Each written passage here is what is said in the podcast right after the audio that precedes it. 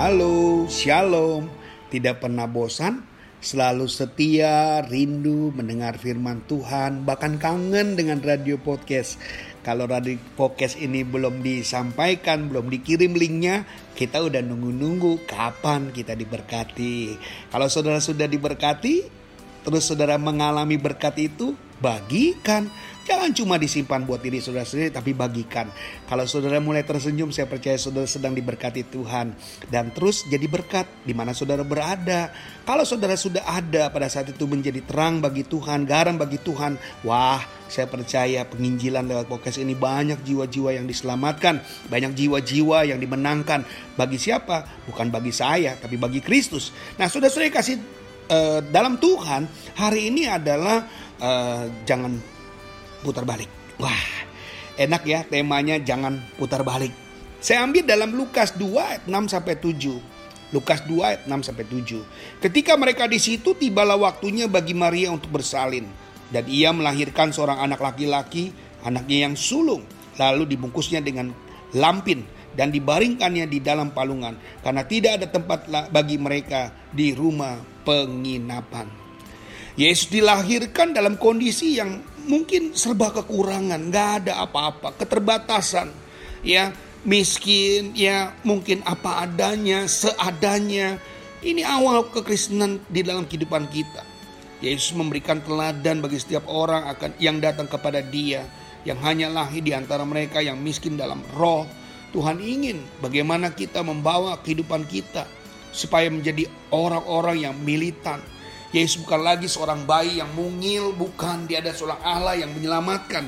Dia bukan lagi seorang anak yang kecil yang hanya ditemani oleh Maria dan Yusuf pada saat itu, tapi kita adalah anak-anak yang punya kemenangan, anak-anak yang dibangun oleh rasa percaya kepada Kristus yang sungguh-sungguh.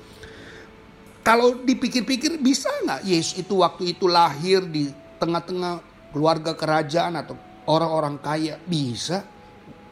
Apa yang Yesus nggak bisa? Apa yang Allah nggak bisa lakukan? Pasti bisa. Tapi di sini kita lihat ada rencana-rencana Tuhan yang sangat indah, yang jauh tanpa kita sadari. Tanpa kita sadari. Ya, dia bisa didampingi oleh 12 pasukan malaikat. Dia bisa lahir di tengah-tengah seorang kerajaan konglomerat. Bisa ya dia langsung juga bisa turun dari salib dia menyelamatkan kita dan langsung itu orang-orang yang mulai memaku tangannya tiba-tiba terlempar jauh bisa saja. Ya dia bisa saja lakukan apa saja. Apa yang Allah bisa lakukan kalau dia ingin menyelamatkan orang berdosa? Kenapa dia harus mati dulu dan ditaruh di uh, di goa dan dia harus tahu? Itu adalah satu saat di mana dia akan terhenti, lalu dia tiba-tiba lompat dan tiba-tiba dia bangun dan berjalan bisa, bisa. Sangat-sangat memungkinkan, sangat bisa. Tapi inilah yang tidak dimulai oleh Tuhan. Ya, kita mau dimulai Tuhan dari orang-orang yang penuh dengan kesusahan dan kesulitan, penderitaan, ketakutan, kekhawatiran. Dia mau datang kepada orang-orang itu. Supaya apa? Supaya mereka mengerti bahwa Tuhan tetap mengasihi mereka. Bukan berarti Allah alergi dengan orang-orang kaya, tidak sama sekali. Allah tidak pernah alergi dengan orang-orang kaya sehingga dia tidak mau datang kepada orang kaya, tidak. Justru di sinilah ada satu hal yang di mana Tuhan menyatakan bahwa dia mengasihi. Maria dan Yusuf pada saat itu dia punya keterbatasan-keterbatasan. Tapi di situlah Tuhan mau berbicara dalam keterbatasan itu. Kita manusia sering kali punya keterbatasan-keterbatasan untuk tidak bisa berhadapan dengan Tuhan dan menghampiri Tuhan Allah kita. Tapi di situlah Tuhan mencari. Supaya tidak banyak orang yang terhilang meninggalkan Tuhan. Kalau orang miskin lalu ditinggalkan juga dan Yesus tidak lahir di antara orang miskin, dia lahir di antara orang kaya, maka orang miskin ini makin tersisikan. Makin terzolimi bagi mereka. Tapi tidak dengan Tuhan. Tuhan datang kepada mereka. Dia menaruh hati buat mereka dan banyak orang akhirnya terkagum-kagum. Mempercayai orang miskin dan mempercayai orang kaya itu berbeda saudara. Lebih mudah mempercayai orang kaya karena dia lihat berkat-berkatnya. Tapi pada waktu dia dalam keadaan kemiskinan ini yang paling sulit. Rasa curiga, rasa takut itu selalu ada. Rasa dihina, diremehkan itu selalu ada dalam diri orang miskin. Tidak dengan orang kaya. Jadi kita mengerti kenapa Tuhan mau datang ke dalam dunia dalam keadaan kemiskinan, dalam keadaan keterbatasan, dalam keadaan kesederhanaan. Karena Tuhan mau menerima orang-orang yang berdosa. Seringkali orang-orang berdosa tidak mau datang kepada Allah karena terlalu penuh dengan dosa-dosanya. Terlalu rame dosanya, rame saya katakannya. Karena dosanya udah kebanyakan sehingga mereka nggak mau datang. Tapi justru di situ Tuhan katakan selalu Tuhan berdamai dengan orang miskin. Selalu Tuhan berdamai dengan orang-orang yang punya keterbatasan. Aku datang bukan untuk orang benar, tapi aku datang untuk orang berdosa. Aku datang bukan untuk orang sehat, tapi aku datang untuk orang sakit.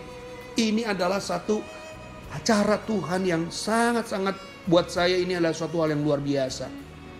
Saudaraku yang kasih dalam Tuhan, mari waktu Tuhan mau jadikan hidup saudara penuh dengan arti yang sangat luar biasa, jadilah hidup-hidup yang diberkati. Jangan putar balik. Apa yang Tuhan sudah nyatakan, jangan kita putar balik. Justru Tuhan datang dan mengasihi saudara. Bukan karena Tuhan benci dengan saudara, bukan Tuhan ingin mempermalukan saudara. Sekali-kali lagi Tuhan tidak pernah mempermalukan saudara.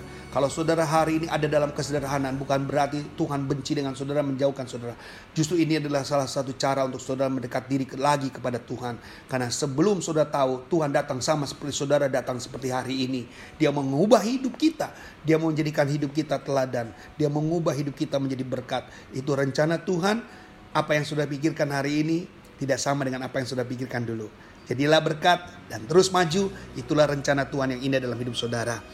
Kiranya Tuhan Yesus memberkati buat saudara dan saya dan maju terus sampai Tuhan Yesus datang. Shalom, Tuhan memberkati. Terpujilah Allah Bapa, Tuhan kita Yesus Kristus dan Roh Kudus yang akan memberkati kita semua dan melindungi kita. Tuhan menyinari kita dengan wajahnya dan memberi kita kasih karunia. Tuhan menghadapkan wajahnya kepada kita sekalian dan memberi kita semua damai sejahtera. Sampai jumpa esok hari, Tuhan memberkati.